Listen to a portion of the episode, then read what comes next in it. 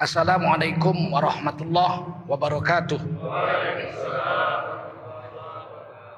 Hamdan wa syukran lillah wa salatan ala rasulillah wa ala alihi wa sahbihi wa mawalah. Allahumma salli wa sallim ala hadan nabiyil karim sayyidina wa maulana Muhammadin wa ala alihi wa sahbihi ajma'in. Amma ba'du قال الله تعالى في كتابه الكريم أعوذ بالله من الشيطان الرجيم. بسم الله الرحمن الرحيم.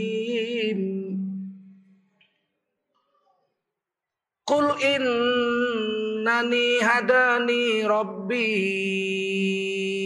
إلى صراط مستقيم. دينا قيما ملة إبراهيم حنيفا وما كان من المشركين. قل إن صلاتي ونسكي ومحياي ومماتي لله رب العالمين. لا شريك له. La syarika lahu wa bidzalika umirtu wa ana awwalul muslimin. Qala Rasulullah sallallahu alaihi wasallam man kharaja fi talabil ilmi fahuwa fi sabilillah hatta yarji. Baginda Rasul bersabda, siapa keluar untuk mendapatkan ilmu, orang itu adalah orang yang berjihad fi sabilillah sampai dia kembali ke tempatnya. Mudah-mudahan kita semua mendapatkan pahala jihad dari Allah Subhanahu wa taala. Amin. Sadaqallahul azim wa sadaqa rasuluhun nabiyul karim wa nahnu ala dzalika minasyahidin wasyakirin walhamdulillahi rabbil alamin. Para ulama, tuan-tuan guru yang berhadir yang dimuliakan Allah SWT. Para umara yang berhadir tokoh-tokoh masyarakat, ada Bapak Akhyar, ini insinyur teknik sipil USU, tapi masih adik kelas saya. Beliau tahun 86 ya? 86, saya 82, jadi lebih tua saya jelas. Hmm.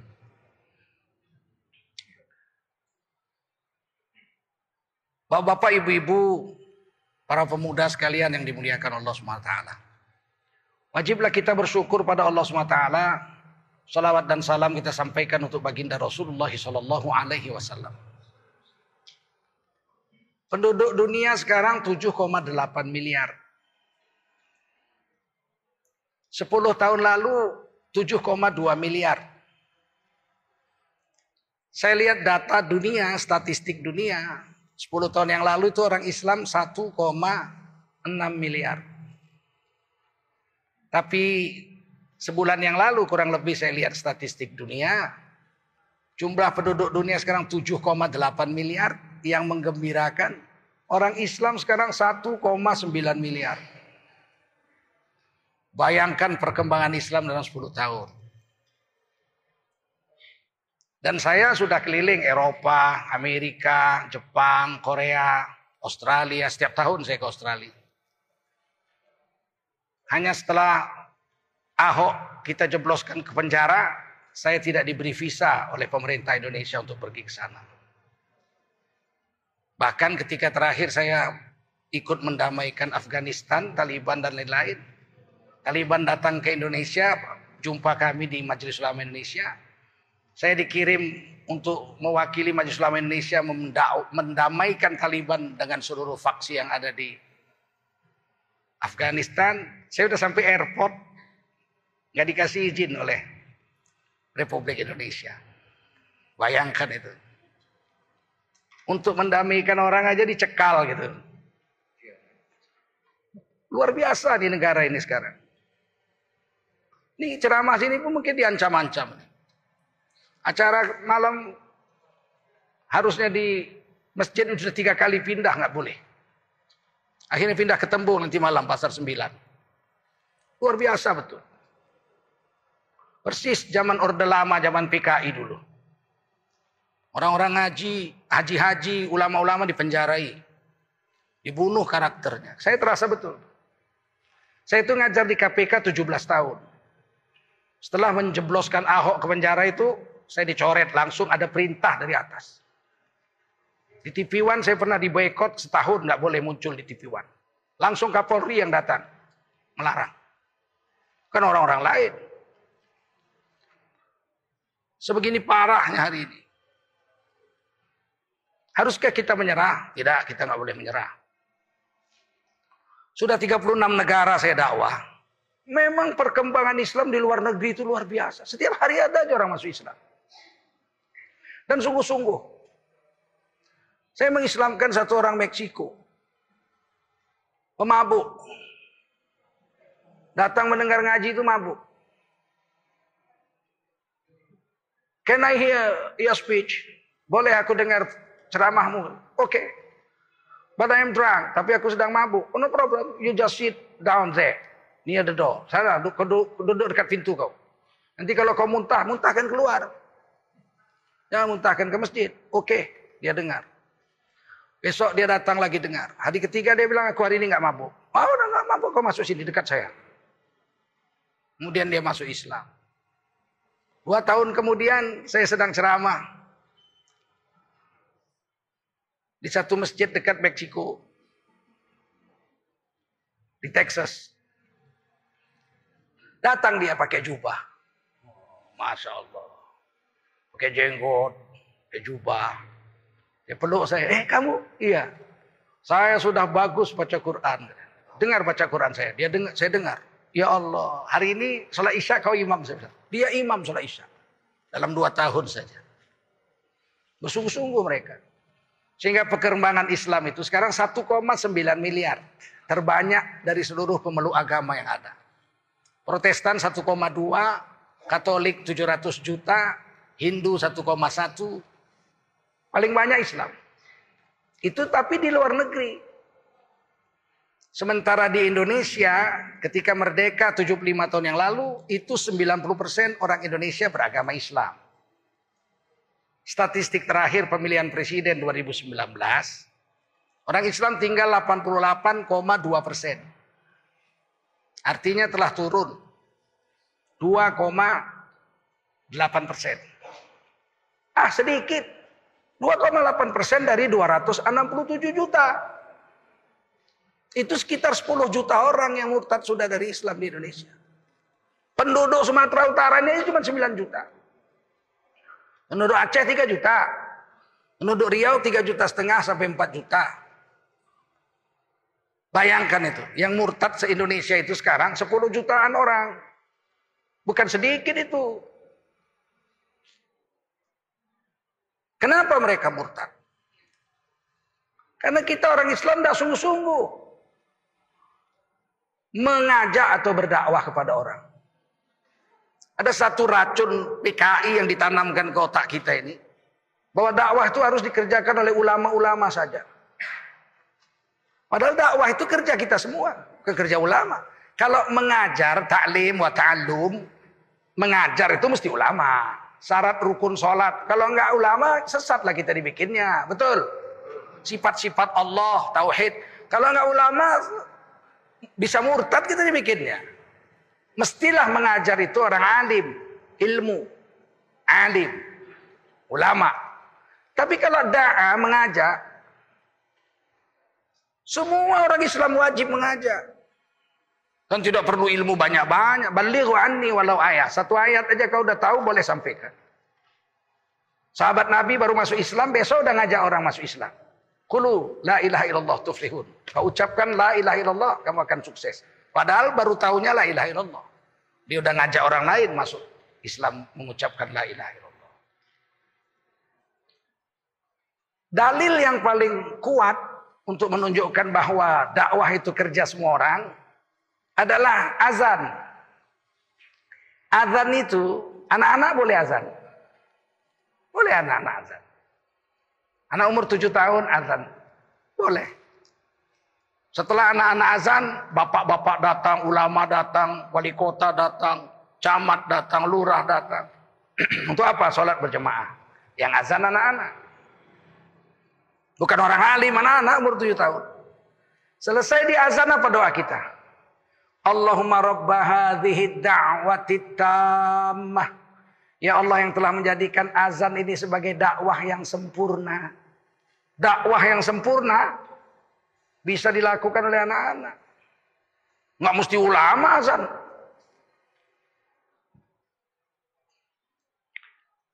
Itu dalil hadis.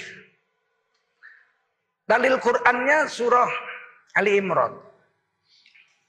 Wal takum minkum ummatun yad'una ilal khair wa ya'muruna bil ma'rufi wa yanhauna 'anil munkar wa ulaika humul muflihun. Ini kalau diterjemahkan hendaklah ada sebagian kamu Lemah sekali terjemahan itu. Padahal artinya nggak begitu. Artinya wajib ada sebagian kamu. Wajib itu. Dari mana wajibnya? Kata ahli balaghah. Dari minnya itu. Dari minnya itu. Wal takum minkum. Minnya itu menunjukkan wajib. Wajib ada di antara kamu. Nah wajibnya ini ada dua.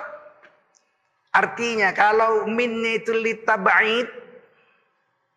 Ini bahasa Arab nih, balaghah namanya. Kalau min itu litaba'id, artinya separuh laki-laki di kampung itu dakwah, separuh lagi nggak dakwah, ibadah aja, sudah nggak berdosa yang nggak dakwah. Misalnya di kampung ini ada seribu laki-laki. 500 mengajak orang, ngajak orang taat, ngajak orang baik, mencegah orang mungkar. Yang 500 lagi ibadah aja, sholat, zikir, baca Quran. Yang 500 nggak dakwah itu udah nggak berdosa. Karena ini minnya ini litaba'id, fardu kifayah hukumnya. Tapi sebagian ulama lagi mengatakan min itu litabiyin. Kalau litabiyin, semua orang Islam, waras dan dewasa, wajib mengajak yang baik, menyeru yang ma'ruf, mencegah yang mungkar. Wajib hukumnya, fardu ain. Saya Tengku Zulkarnain memilih minnya itu artinya fardu ain. Berdosa orang Islam gak dakwah. Minimal dia dakwah untuk diri dan istri dan anaknya itu minimal itu. Mendakwakan agama untuk diri saya, istri dan anak saya itu kerja nabi-nabi zaman dulu. Dulu orang dapat wahyu, dia dakwah untuk diri dan anak istrinya disebut dia nabi. Kalau dia dapat wahyu, dia dakwahkan diri, anak istrinya dan kaumnya, maka digelar dia rasul. Itu Quran itu, walikulli ummatin rasul. Setiap umat dikirim Rasul. Jadi Rasul itu untuk umat. Kalau untuk diri sendiri, Nabi namanya. Dan Nabi dalam kitab Qasasul Anbiya Imam Ibnu Katsir, menurut hadis Sahih Ibnu Hibban, Nabi itu ada 124 ribu. Berapa? Kuat bilangnya, berapa? Nah, biar jangan salah. Kita tahunya Nabi 25, Nabi 25. Itu ngaji tingkat taman kanak-kanak itu. Nabi itu ada 124 ribu. Nabi dan Rasul. Sebagian dikisahkan, sebagian enggak. Dari 124 ribu Nabi, itu 313 di antaranya Rasul. Berapa Rasul? Itu yang untuk umat. Dia punya umat. 313 Rasul. Ada Rasul yang namanya kita kadang-kadang nggak pernah Samuel. Samuel itu Rasul. Ditulis di Quran itu kisahnya. Surah Al-Baqarah. Samuel inilah Nabi Bani Israel yang membesarkan Nabi Dawud alaihissalam. Jadi Nabi Dawud muridnya Nabi Samuel. Waktu itu Bani Israel sedang terhina. Ada raja yang besar yang zolim namanya Jalud. Dicuri kitab sucinya orang Yahudi itu. Batu yang bertuliskan 10 perintah Allah itu kepada Nabi Musa Batu dipahat itu. Pertama, wa'budullah wa la tusriku bihi syai'a. Sembahlah Allah jangan musyrik, jangan serikatkan dengan yang lain. Waqimus sholat, tegakkan sholat. Itu sepuluh perintah Allah itu. Jangan durhaka, jangan berzina. Ada sepuluh. Itu kitab batu itu diambil sama Jalut. Sehingga orang-orang Yahudi ini, orang Nasrani ini, apa belum ada Nasrani. Orang Yahudi ini merasa terhina ini Bani Israel ini. Akhirnya mereka datang kepada nabi mereka. Nabi mereka itu namanya Samuel. Tolong doa sama Allah, pilihkan kami pemimpin. Jadi memilih pemimpin itu itu ditulis di Quran, bukan hanya di hadis. Pilihkan kami seorang pemimpin agar kami bisa berani melawan Jalut dan merebut kitab suci kita. Kata nabinya, nanti ku doa sama Allah dapat pemimpin kalian takut perang. Oh enggak, kami walaupun sedikit kami berani. Kenapa? Karena kitab suci kami diambil orang, kami merasa dihina, agama kami terkekang. Maka nabi mereka berdoa. Dapatlah wahyu, diangkatlah pemimpinnya Tolut. Siapa? Siapa? Tolut. Bani Israel itu 12 suku. 12 suku. Israel itu gelar yang Allah berikan kepada Nabi Yakub. Jadi kalau cerita Israel itu Nabi Yakub. Bani Israel anaknya Nabi Yakub. Anaknya ada 12. 10 dari istri pertama yang membuang Nabi Yusuf ke sumur. Dua dari istri kedua. Istri kedua namanya Rohil. Wanita tercantik zaman itu. Anaknya dua, Nabi Yusuf dengan Benyamin. Sedangkan istri pertama kakaknya Rahil. Anak pamannya Nabi Yakub sendiri, Laya. Jadi saudara kandung dikawini dua-dua. Zaman itu boleh. Sekarang tidak boleh kalian bikin begitu. Zaman itu. 12 anaknya Nabi Yakub disebut Bani Israel. Zaman Nabi Samuel, Nabi Dawud masih kecil waktu itu. Bani Israel udah banyak.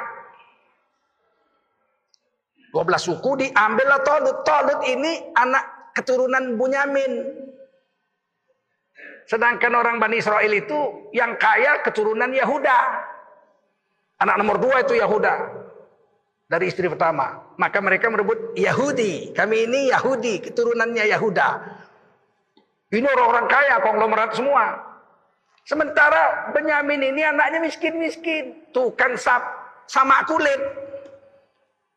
Ada kulit di sama, udah bersih dijual. Itu kerjanya si Tolut ini. Maka mereka mengatakan, lah kok Tolut? Udah miskin, nggak punya modal. Ini kalau pilkada ini harus punya modal banyak nih. Kenapa Tolut pula dijadikan pemimpin? Bukan keturunan Yahuda. Miskin, nggak punya modal. Apa kata nabinya itu?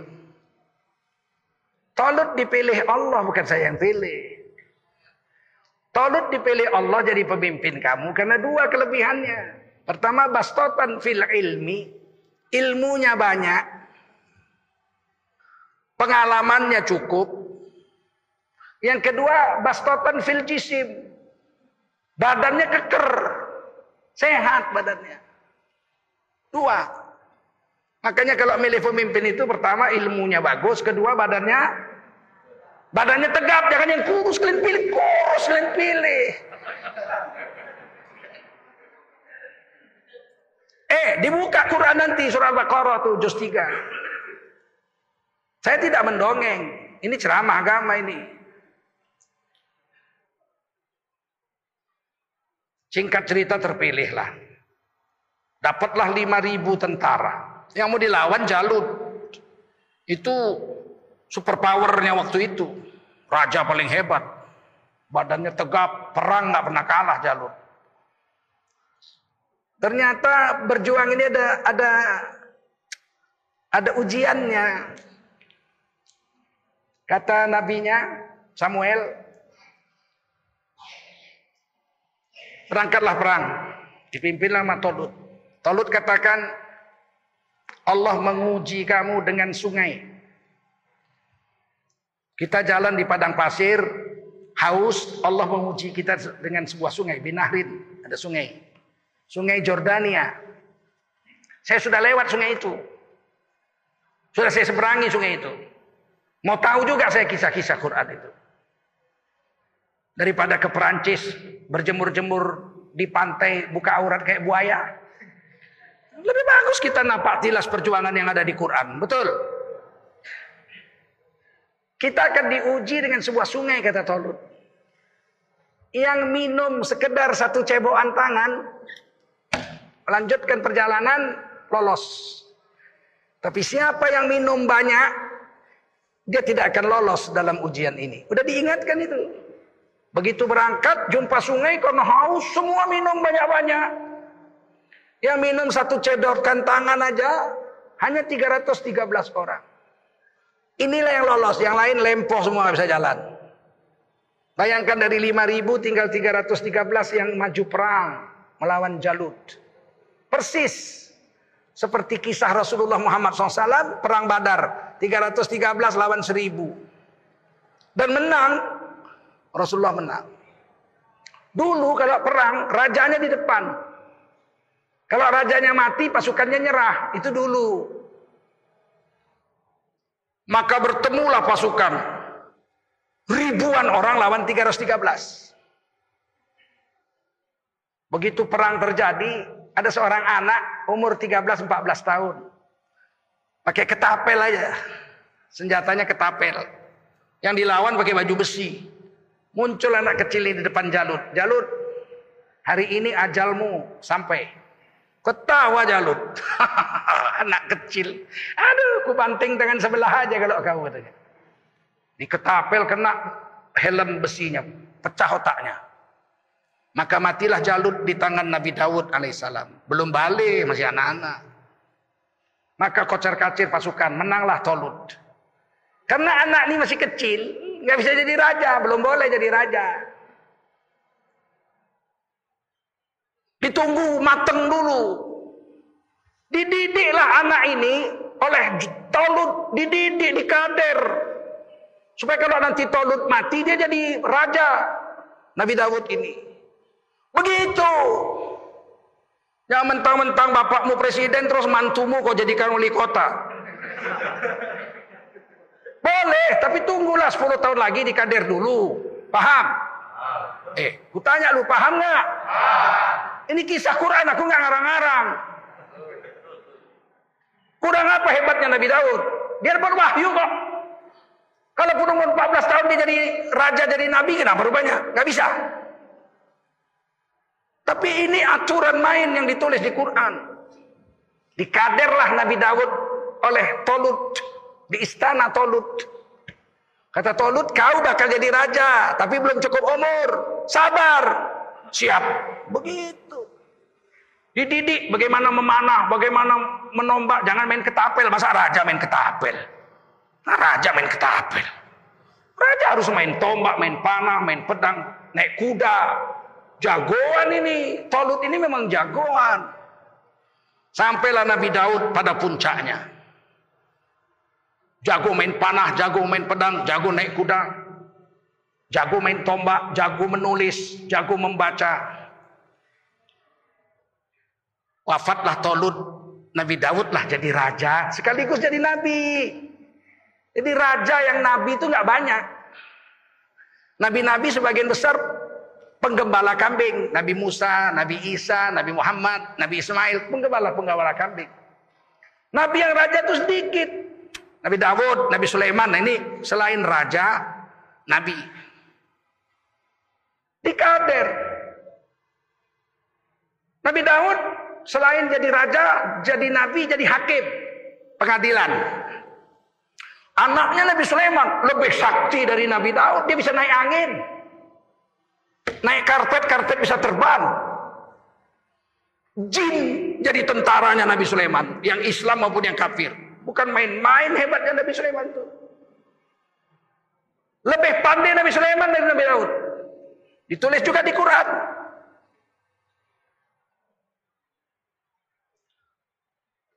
Ada satu orang berperkara diadili sama Nabi Daud. Nabi Daud jadi hakim. Nabi Sulaiman duduk di, di pengadilan tuh nonton. Diadili. Nggak bisa Nabi Daud memecahkannya. Ada dua orang ibu datang berebut anak bayi. Kata si ibu yang satu ini anak saya. Kata ibu yang satu ini anak saya. Nangis dua-duanya bertengkar. Ini anak kami. Bagaimana memutuskannya Nabi Daud nggak bisa. Nabi Sulaiman memutuskannya. Sini ayah, biar aku putuskan. Diambil tuh anak bayi. Jadi anak siapa ini? Kata Nabi Sulaiman. Anak saya, kata yang satu ibu. Anak saya, kata yang satu ibu. Dah kalau gitu belah dua aja. Ambil separuh-separuh. Diletakkan anak bayi itu, cabut pedang, mau dibelah dua. Tiba-tiba satu orang ibu menjerit. Jangan! Daripada anak itu dibelah dua, biarlah anak itu sama dia saja. Itu anak-anak dia, bukan anak saya. Langsung Nabi Sulaiman bilang, ini anak serahkan sama yang tidak rela dibelah. Ini pasti ibu kandungnya. Yang satu bilang, belah aja, belah aja, belah, belah aja. Begitu cerdasnya Nabi Sulaiman. Tetap aja yang jadi raja Nabi Dawud. Kenapa? Nunggu mateng. Sabarlah. Sabar. Paham? Ya Allah ya Basir Ya Sami'u ya Alim Ya Hayyu ya Qayyum Birahmatika astaghfir